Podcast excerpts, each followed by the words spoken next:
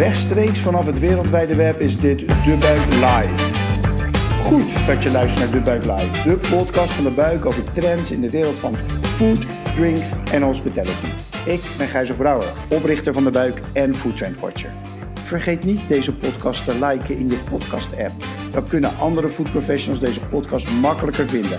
Dat kan gewoon nu, terwijl je luistert. Vandaag heb ik een gast en die zit op afstand en dat is Hans van der Meeberg. Bekend culinair journalist bij onder meer Misset Horeca.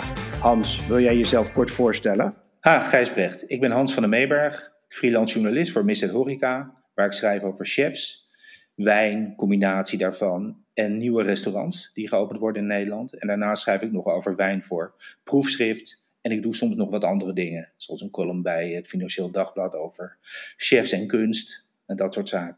Heel goed. Nou Hans, we gaan, we gaan uh, vandaag even daar wat meer op induiken met jou. En vooral natuurlijk ook op jouw visie op de, op de markt. Die natuurlijk het afgelopen jaar, uh, anderhalf jaar compleet op zijn kop gezet is. Maar ja. we beginnen altijd even met een uh, korte ja, stand van zaken in dit woelige jaar. Deze woelige 15 maanden.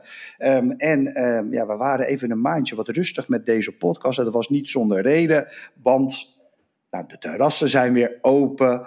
Um, ja, we kunnen zelfs zeggen, de horeca is weer open. Nou, dat is maar een heel klein stukje van de horeca natuurlijk. Maar toch het gevoel dat we op de goede weg zijn. En zeker na de persconferentie van gisteren, dat er toch hele dag straks de terrassen open mogen. Het komt dichterbij. Ik zal de omschrijving van, van minister-president Rutte, of demissionair minister-president Rutte, uh, laten. Voor wat hij ziet als een dagje in de horeca. Maar uh, met de daghap en de bitterballen. Maar het was in ieder geval weer een, een, een goed teken. Um, ja, het, het weer uh, houdt niet over. Zeker niet in vergelijking met vorig jaar. Maar ik zie veel mensen toch tegen, dwars tegen de weer, de wind, de regen in. Lekker op terrassen zitten. En um, het lijkt er ook op dat, dat het de zomer gewoon stap voor stap, maandje per maandje beter gaat worden. En wie weet gaan we gewoon wel weer naar binnen begin juni. En uh, al zal het maar met 30 man zijn. En vervolgens komen er wel weer festivals en dat soort zaken aan beetje spannend, die festivals nog misschien later deze zomer. Maar het lijkt er gewoon op dat, dat de horeca stap voor stap weer open gaat. En dat is, uh, dat is heel belangrijk. En dat is niet alleen belangrijk voor, uh, voor de, die branche waar wij uh, zo graag over schrijven en over praten en over denken. Maar ook gewoon belangrijk voor, voor mijn gast vandaag. En ik zei natuurlijk al, dat is Hans. Hans, ehm, groot geworden in de reclame, mag ik wel zeggen.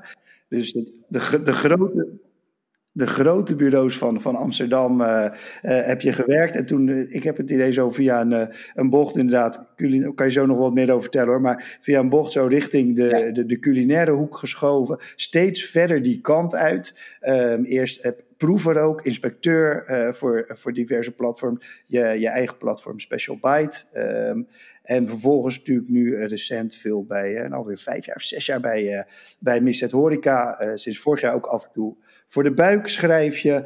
Proefschrift zei je net zelf al, uh, jurylid. Ik heb je in allerlei juries altijd op zien duiken. En sinds kort ook, uh, volgens mij, vastgezicht, of in ieder geval vaste stem. Hans, kan je iets vertellen over, hoe, is het voldoende wat ik nu zei? Of kan je het aanvullen? Kan je er nog iets aan toevoegen?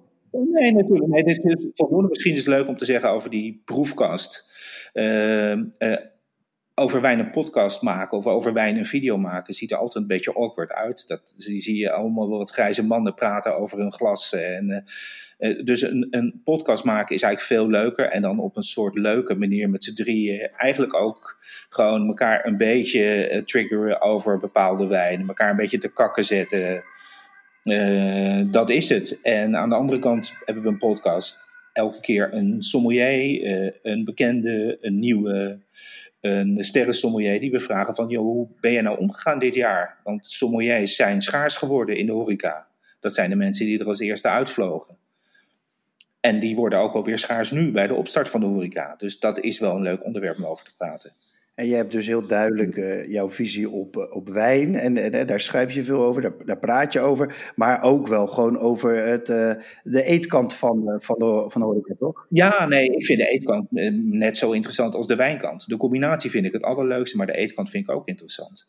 En ik zie, deze crisis is natuurlijk heel, heel vervelend, heel naar. Maar het geeft ook mensen nieuwe impulsen. Je ziet ook leuke dingen verschijnen. Je ziet pop-up restaurants die gedwongen door, uh, door COVID uh, fastfood zijn gaan doen, die uiteindelijk nu belanden in een echt restaurant. Weet je wel, de, die jongens van Breda gaan met pandemie gewoon een, een zaak openen. Dat was een, uh, voor Maris Pieper een, een pop-up dingetje. Dus hoe leuk is dat niet? En, en uh, ik vind het zeker, en, die, dat, dat stappenplannetje zo van, van uh, via de Instagram naar de pop-up, naar een, naar een restaurant, dat is, hè, dat ja. is een, een heel mooi fenomeen. Um, is het zo, kan ik zeggen, dat je eigenlijk wel vooral de, uh, jouw blik op de fine dining werpt, of ligt het breder? Nee, het ligt wel breder. Het ligt wel breder. Ik geloof wel dat fine dining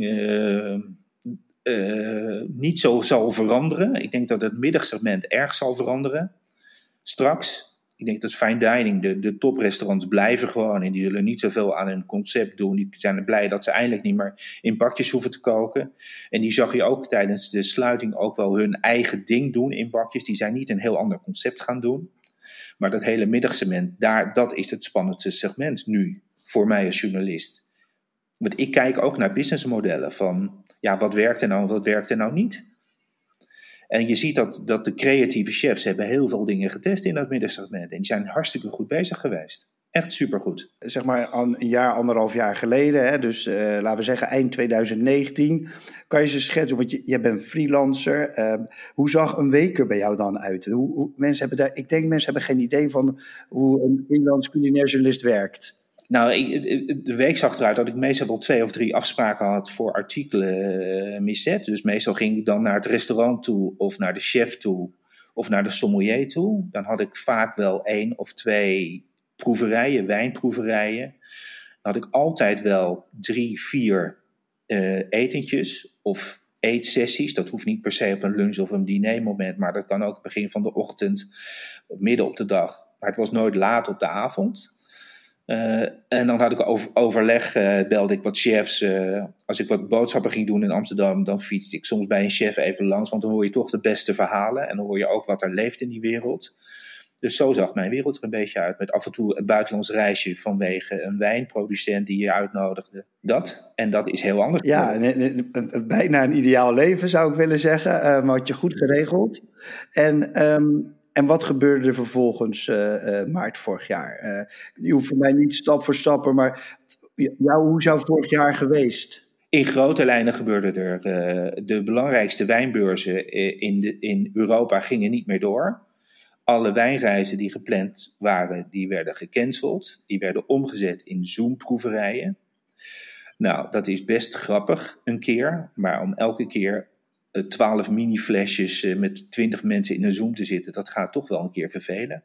Je wilt toch de sfeer proeven in de wijngaard met de wijnproducent en met collega's.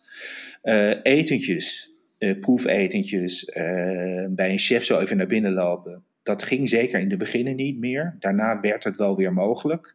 Zeker bij de mensen die ik wat beter ken. Dan kon ik gewoon wel even een kopje koffie op afstand drinken en even babbelen. Het was veel meer thuis aan de buis en aan de telefoon gekluisterd. En Misset ging een frequentie terug, dus het werk werd wat minder. Dus je moest, ook ik moest creatiever zijn om zelf mijn werk te verzinnen. En dan ga je zoeken naar andere verhalen. Andere verhalen over chefs. Dus je doet niet een nieuwe opening, maar je doet een nieuw concept. En je praat over nieuwe ideeën die een chef heeft. En je praat over hoe gaat hij dan om met zijn personeel. Eh, doet hij wel takeaway of niet takeaway? Wat is zijn reden om dat dan niet te doen? Zo werd het anders. En inmiddels gaat het wel weer een beetje de goede kant op. Je zegt, hè, je bent freelancer. Nou ja, dat zijn de mensen natuurlijk, hè, de, de flexibele schil, zullen we het maar noemen. Ja, die zit de, eerste, de schil gaat er als eerste altijd af hè, als je het fruit wil eten, dat weet je. Dus eh, heb je dat ook gemerkt? Heeft het jou persoonlijk geraakt? Ja, nou ja, weet je, ik, ik, ik, ik vind Misset een fijne uh, opdrachtgever. Want die gingen mij gelijk bellen en zeggen van... joh, nee, we willen gewoon ook uh, uh, 2021 met je door als freelancer. Dus dat is gewoon een hele, hele fijne, betrouwbare opdrachtgever. Maar bij andere zaken waar ik als freelance voor werkte... merk je dat gewoon veel minder. Die snijden gewoon gelijk weg. En misschien dat ze je dan even bellen, maar meestal bellen ze je niet. Dan zie je gewoon geen opdracht meer komen. En dan ben ik niet iemand die achterover leunt en wacht tot de opdrachten binnenkomen. Ik ga gewoon zelf met ideeën op pad. Dat is gelukkig de reclameervaring die ik heb. Je moet zelf aan de bak. Het gebeurt niet. Je schetste net al een beetje, hè, dus je eigen, maar ook gelijk eigenlijk je eigen wereldje. Wat, wat viel jou op aan, zeg maar, ja, ja, de, jouw directe relaties of nou, het wereldje noemen waarin jij actief bent? Nou ja, dat je twee soorten mensen hebt. Dat je mensen hebt die, eh, die hierdoor geïnspireerd worden. En dat je mensen hebt die helemaal in de war raken, in een hoekje gaan zitten en stil zijn en niks doen. En die eerste groep mensen, dat zijn mensen waar leuke ideeën uit ontstaan, die ook energie krijgen hiervan. En die andere soort mensen, ja, daar is het gewoon heel lastig voor. En, en die zie je langzamerhand ook steeds verder de afgrond in zakken. En um, ja, dus het wereldje dat, dat verandert. Uh, een, een jaar, ja, eigenlijk zelf de boer op. Hoe, hoe is het nu voor je? Nou, wat ik zei, het gaat de goede kant op. Je kunt weer bij, zonder problemen bij restaurants binnenstappen. Je ziet restaurants heel erg aan de weg timmeren, creatief met hun, met hun terrassen. Maar ook wat gaan, wat gaan we dan serveren op terrassen? Hoe kunnen we een beetje omzet draaien? Hoe kunnen we die besteding zo, zo leuk mogelijk krijgen voor beide partijen, zowel voor de gasten als voor ons? Dus die, nu is wel weer een, een superleuke nieuwe dimensie in het vak. En nu straks tot acht uur open, dus diner kan ook een beetje meegepakt worden. En mensen zitten gewoon in de regen te, te lunchen, Gijsbrecht, om drie uur op donderdag. Heel grappig. De drive van de gasten om weer te mogen zitten ergens is wel is, is buitengewoon. Het moet een enorm hard onder de riem zijn voor de, voor de ondernemers. Ja, maar er zijn natuurlijk ook ondernemers die nog steeds geen terras hebben. Ik ken bijvoorbeeld het bedrijf, jij misschien ook wel Beunings in Amsterdam. Die zit in een steegje. Als die een tafel buiten zetten, valt de hele straat over ze heen. Wordt er gebeld, uh, gaan ze de gemeente bellen, gaan ze soms eieren gooien naar gasten die aan tafel zitten. Dus die mensen hebben geen terrassen. Dus die, die, hebben, die hebben het echt super moeilijk die blijven ook. Ja, het is, het is natuurlijk echt je, hoe je kaarten nu uh, geschud zijn in de horeca, los van hoe je onderneemt, want daar wil ik zo nog wel even met je over hebben. Maar inderdaad, wat je hebt, is natuurlijk wel, ja, dat verandert ineens. Hè? Een heel gezellig klein bruin café of een, een schit, nou ja, bij mooi ouderwets restaurantje met. Kansloos. In, in, in, in, ja, ineens heb je niks meer. Ja, nou ja, weet je, dat geldt ook een beetje. Ken je ook, La Stage is natuurlijk ook zo'n restaurant. Wat super mooi is als je gewoon binnen kunt zitten. Maar buiten hebben ze geen mogelijkheden. Dus wat moet je dan doen als ondernemer? Dan is hij creatief geweest. Is hij nog naar de, naar de Schouwburg gegaan. Ja, weet je, maar op een gegeven moment is dat ook op. Wat moet je doen? Best lastig. Nou ja, herkenbaar. En ik, het, wat mij opvalt is, eh, jij zit, bent natuurlijk uh, Amsterdammer, woont in Amsterdam. Ik ben Rotterdammer, woon in Rotterdam. Is dat hier toch meer ruimte is voor heel veel dingen. En eh, Amsterdam met die smalle steegjes en, en die echt gezellige ouderwetse restaurantjes, die hebben het gewoon nog een, een tikje lastiger dan hier. Ja, Kaagman en Kortekaas met tien tafeltjes tegen de gevel aan, waar dan net nog een fiets eh, langs raast of een scooter. Echt grappig om te zien, maar dat zijn de creatieve gasten die dan gewoon denken van shit, we gaan het gewoon doen. Ja, Rotterdam is dan ruimer. Ja. Nee, dat, dat merk je. Ik was, ik was bij Frans, uh, François Geur buiten, buiten. En die heeft echt een. Ja, die heeft buiten. Nou, ik zou niet zeggen net zoveel ruimte als binnen. Maar het scheelt niet veel. En die heeft er echt een gigantisch terras kunnen bouwen. Met barbecues en alles erop en eraan. Gewoon bij zijn eigen stekje ook nog eens een keer. En waardoor het ook gewoon nog. Maar ja, de Milan van. Uh, Wim Severijn, ja, die zit op de derde hoog in de, in de, in de, in de Millennium Toren. Ja, die kan ook niks buiten. Ja. Dus uh, nee, het is in die, die zin on... Hey, Gijs, denk je dat, dat er cultuurverschillen zijn tussen Amsterdam en Rotterdam? Nou ja, ik ben benieuwd. Jij, uh, zijn Amsterdam de luxe paardjes Rotterdam... Uh, ja? Nou ja, ik, ik, ik, ik, heb, ik heb vijf jaar ben ik op en neer met, met de trein echt elke dag op en neer naar Amsterdam gegaan. En uh, ik had al het idee, als, als ik naar Amsterdam ging, dacht ik, oh ja, het valt eigenlijk wel mee dat verschil. En als ik dan terugkwam, dacht ik, nou, het is toch wel weer groot. Hè, dus er zit, er zit een hoop overlap in. Maar het is, uh, er, zit ook wel verschil. Zeker die ruimte en ook de... Je, er, zijn ook, er zijn ook verschillen. Ja, ja. En inderdaad ook wel een beetje iets, toch iets aanpakkeriger. En dat, ja, ja je weet, ik, ik, hou ook van, ik hou ook van Rotterdam, dus kom maar graag. Ja. Hey, en um, jij zei al van ja, uh, ik moest zelf ook uh, de boer op. Kan je, kan je daar eens wat voorbeelden van geven? Ja, jij, zo heb ik het anders gedaan of dit, dit ben ik, hier ben ik mee begonnen vorig jaar? Nou ja, ik, ik, uh, je ziet dat uh, Misset een omslag maakte van normaal kwam het blad twee, eens in de twee weken uit, het magazine. En lag de nadruk veel meer op het magazine. En dat, wordt, en dat werd veel meer online. Dus dan, je weet, online schrijf je andersoortige verhalen. Uh, die veel actueler moeten zijn. Uh, veel minder long copy die je wel in het magazine kwijt kunt. Dus ik ben ook veel meer op zoek gegaan naar dat soort verhalen. Dus dat, die, dat roer en dat denken is bij mij ook omgegaan. Ik heb ook veel meer online voor Misset geschreven dan ik uh, eerder heb gedaan. Zo'n podcast zijn we eigenlijk, ja, ik, ik zocht al een tijdje met Joon van Lissem, de, de man achter proefschrift, naar van hoe kun je nou op een leuke manier uh, een wijnproeverij doen. En, en datzelfde hebben we ook nog wel over een restaurantrecensie. Zou je niet in een podcastachtige manier aan tafel gewoon eens kunnen praten over het eten? Want je hoeft er niet per se beeld bij. Praten over eten, dat doen we allemaal. Dat is hartstikke leuk. Dus dat moet in een podcast ook kunnen. En met wijn ook. Vandaar dat we dat gestart zijn. En we zijn er net mee begonnen. Dus nog niet zo lang bezig als jij. En we merken dat het elke keer wel wat beter wordt. Dus we hebben nu drie sommeliers uh, in een podcast gehad. Er is er pas één gepubliceerd. En we hebben drie wijnproeverijen gedaan. En daarvan is er ook pas één gepubliceerd.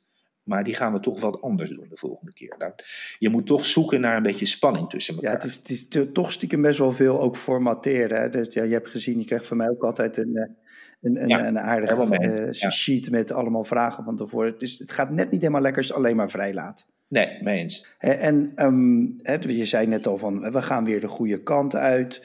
Um, is er nou nog iets waarvan je zegt van, nou ja, dat heb ik gezien de afgelopen anderhalf jaar, uh, een jaar, drie maanden, van dit zou echt moeten. Hè? Misschien moet de, moet de overheid nog iets doen, moet de lokale overheid nog iets doen, moeten, ja, jij hebt ook een verleden bij de, bij de branchevereniging, moeten die nog wat anders doen, moeten de ondernemers nog wat doen? Heb jij nog een soort van, nou ja, als ik mensen iets zou kunnen meegeven dan? Nou ja, weet je, laten we maar beginnen over de branchevereniging, waar ik ooit ook freelance heb gewerkt. Ik vind dat die gefaald hebben in de hele lobby vanaf het begin. Die hebben alleen maar boos gespeeld en die hebben hun act gewoon niet op orde. Dus dat zou echt veel beter kunnen. Ik vind dat de overheid veel meer zou moeten inspelen op de verschillen die er zijn. Want je kunt niet zeggen, we hebben één regeling voor restaurants. Dat is echt veel diverser. Dus dat zou je moeten doen. En ik denk ook dat de lokale overheid uh, nog meer uh, de restaurants zou moeten helpen het is natuurlijk belachelijk dat de gemeente Amsterdam als een pandeigenaar pas heel laat korting is gaan geven op huren. Dat is belachelijk. En dat sommige uh, de, de uh, woningbouwstichtingen die ook horecapanden hebben, dat nog steeds niet doen. Bizar toch? Maatschappelijk belang. Ja. ja. Heb, heb jij um, afgelopen jaar ook. Ja, ja, je liet het net al een beetje doorschimmeren, maar ik vraag hem toch nog maar even. Ook de mooie kanten gezien. Zijn er ook dingen die jij kon doen, of die misschien wel ondernemers konden, die ze anders niet hadden kunnen doen? Ja, ja zeker. Ja, zeker. Weet je, eh, eh, wat mij bijbleef, ik was voor Misset vorig jaar bij Mijn Keuken in Wouw. Of all places. Wouw is dus de bergen op Zoom en, uh, en Roosendaal. Weet je, waar ze die martelcontainer daar hebben gevonden. In de middle oh, ja, of nowhere. En er was een, eh, een ondernemer die zei van ja, luister, uh, hier wonen heel veel zorg, zorgverleners. Die komen s'avonds thuis in een lege supermarkt. Dat was natuurlijk in het begin. Kunnen niet vers eten. Dus ik ga een verse maaltijd doen voor onder de 10 euro. Die kunnen ze halen. En die man verkocht 10.000 maaltijden in de maand. En heeft dat doorgezet en is thema's gaan doen. Heeft, heeft een container, waarschijnlijk de, de andere martencontainer die nog over was, op zijn, op, op, op zijn, uh, op, in het park bij hem neergezet als een soort open locatie waar mensen wat kunnen afhalen. En dit is een Michelin sterrenzaak, doet het supergoed. Tegen een hele vriendelijke prijs. En hij zegt, dit, dit blijf ik gewoon doen daarbij. Gewoon een nieuw businessmodel erbij. Ja, ja. Of ook maatschappelijk model. En misschien ook wel een maatschappelijk model, ja, een beetje dubbel. Hè? Ja, jij zei net dat je um, zag van, nou, die sterren, dat, dat blijft wel redelijk zo. Uh, maar dat middensegment, daar zie ik wel dat de belangrijkste veranderingen plaatsvinden, ook in het bedrijfsmodel. Kan je daar wat meer over zeggen? Ja, ik denk het wel. Ik denk dat zij uh, veel beter moeten letten uh, op hun kosten. En dan zijn, uh, iedereen heeft het wel over huurkosten, maar huurkosten is iets van 19% van de totale kosten. De, de, hoogste kosten zijn personeelskosten. Dus ik denk dat je in dat middensegment, waar dat je ook het in elkaar schuiven van functies krijgt. Wat vroeger bij de reclamebureau had je een account manager, een account director, een creatief directeur, een uh, traffic manager. Dat is allemaal één functie bij reclamebureaus geworden. Ik denk dat de, de bediening, een beetje meehelpen in de, in de mise en place, in de keuken en wijnadvies geven, dat het in elkaar gaat schuiven. Dat, het, dat er minder mensen komen, dat mensen een meer gemiddelde uh, opleiding hebben, kennis hebben over alle, alle vakken. En dat je minder mensen nodig hebt in je operatie en flexibeler bent. En kostenefficiënter bent. En verder zie ik ook, ik, ik denk dat er geen geld is. En, en gaat de gast dat gewoon pikken? Of, of komen er andere. Nou ja, ik, ik denk dat de gast dat gewoon gaat pikken. Want de gast is natuurlijk ook gewend nu dingen af te halen. Dus ik denk dat de restaurants, weet je, Pesca eh, begon in het begin natuurlijk ook met je bestelt en je moet het zelf afhalen bij het loket. Dat, en nu zijn mensen allemaal gewend om het af te halen. Dus waarom kun je dat niet wat, wat meer doorvoeren in je restaurant, ook met je personeel? En je zei verder zie ik ook nog. Nou ja, ik zie, ik zie ook nog, uh, er is geen geld om te investeren in een uitgebreide wijnkaart. Dus mensen gaan ook naar een hele korte, uh, kleinere wijnkaart, meer op seizoenen gericht, kleinere voorraden. En dan heb je ook minder kennis nodig bij je mensen. Dan doe je één keer per, per twee maanden, uh, vertel je welke wijnen je op de kaart hebt, waar ze bij passen. En zo doe je het. Ik denk dat mensen gaan naar een minder grote menukaart. Je kunt dat niet meer allemaal, uh, allemaal op voorraad houden. Zeker in het begin niet, want je hebt het geld niet om te investeren. Kleinere menukaart, kleinere wijnkaart, uh, bedrijven waar functies in elkaar geschoven worden.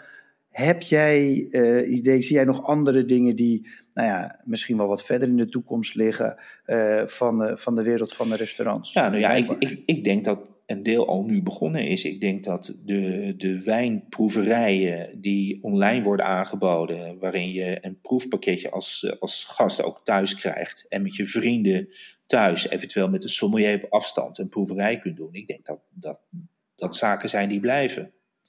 Ik denk dat ook bij een hoop zaken afhalen blijft. En misschien ook wel wijn-food combinaties blijft. Dat er best markt voor is. En dat ze ook veel meer de zakelijke kant op kunnen. Want het zal zo blijven, denk ik ook, dat in de zakenmarkt een deel van de mensen thuis werkt. En je wilt toch het contact als, uh, als directeur van je bedrijf met je mensen houden. Dus je gaat ook dingetjes organiseren met elkaar. En daar kan de horeca best een leuke rol spelen. En best ook een verdienmodel opmaken. Er is een sommelier in Amsterdam, Aukje Wouters. Die doet dit soort dingen voor bedrijven op een hele leuke manier. En die heeft echt een goede business. En nog even terugkomend op het, uh, daar begonnen we mee, daar kunnen we dan uh, mooi mee afsluiten.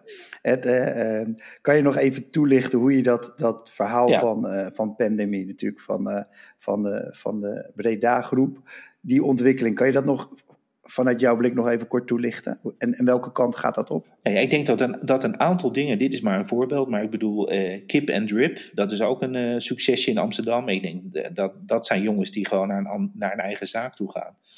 Uh, je ziet zaken die het niet hebben gehaald, zoals Jacobs. Uh, maar aan de andere kant zie je Alba, een zaak waarvan ik dacht, nou dat is vrij kansloos op de Wieboudstraat, daar naast Bout in dat rare hoekje.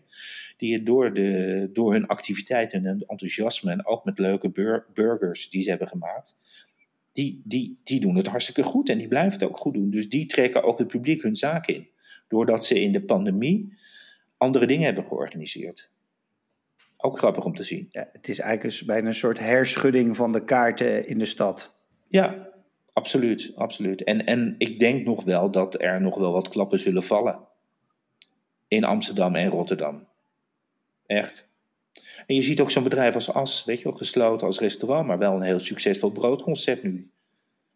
In de Tenkatenstraat. Je noemt veel uh, restaurants. Um, heel, heel, heel uh, duidend en duidelijk. Um, dat past heel goed bij deze podcast, want afsluitend uh, stel ik altijd aan al mijn gasten de vraag van waar, hè, als jij een tip mag geven, mogen er ook meer zijn, maar aan onze luisteraars, hè, met jou, zeker met jouw uitgebreide kennis, waar moeten ze op terras gaan zitten, afhalen, bestellen? Nou, iets in die. Wat, wat is jouw tip of zijn jouw tips voor onze luisteraars? Nou, als je, als je van pizza houdt, dan moet je echt naar het terras van de Klaproos in Amsterdam Noord. Dus je moet even alle moed bij elkaar rapen en op de pont stappen en naar de Klaproos gaan. Echt een super toffe plek met een te gekke pizza en een te gekke wijnkaart. Die combinatie zie je niet zo snel. Als je dan toch in Noord bent en je hebt zin in wat anders, dan ben ik ook een fan van de Hankaar. Zeker met die nieuwe chef Ben. Echt een topchef. Het, het mooiste terras van Amsterdam vind ik dat. Aan het ei. Super mooi ingericht zelfs met regen zit je mooi beschut, kun je naar bootjes kijken, te gek. Als je dan wel wil, wilt afhalen of een wijntje wilt drinken, zou ik naar Bar Centraal gaan. In West. Ook chef die leuk, leuke hapjes maakt. De wijnkaart is echt te gek. Dus dat zouden mijn drie tips. Ja, geweldige tips. Ehm, luisteraars, doe er je voordeel mee, zou ik zeggen. Hans, mag ik jou hartelijk bedanken voor je aanwezigheid in de podcast. Dankjewel voor de uitnodiging. Dit was De Buik Live, de live podcast van De Buik over trends in de wereld van food, drinks en hospitality. Dank nogmaals aan mijn gast Hans. Ik ben Gijs Brouwer en wil nog één ding vragen. Als je het een leuke podcast vond, wil je hem dan doorsturen naar iemand anders of like in je podcast app? Dat kan je nu direct doen, terwijl je nog luistert. Dan help je andere liefhebbers van food, drinks en hospitality deze podcast makkelijker te vinden. Heb jij nog onderwerpen waar we het over moeten hebben? Laat het ons weten in de comments of stuur een berichtje. Dank voor het luisteren en tot de volgende aflevering. Cheers!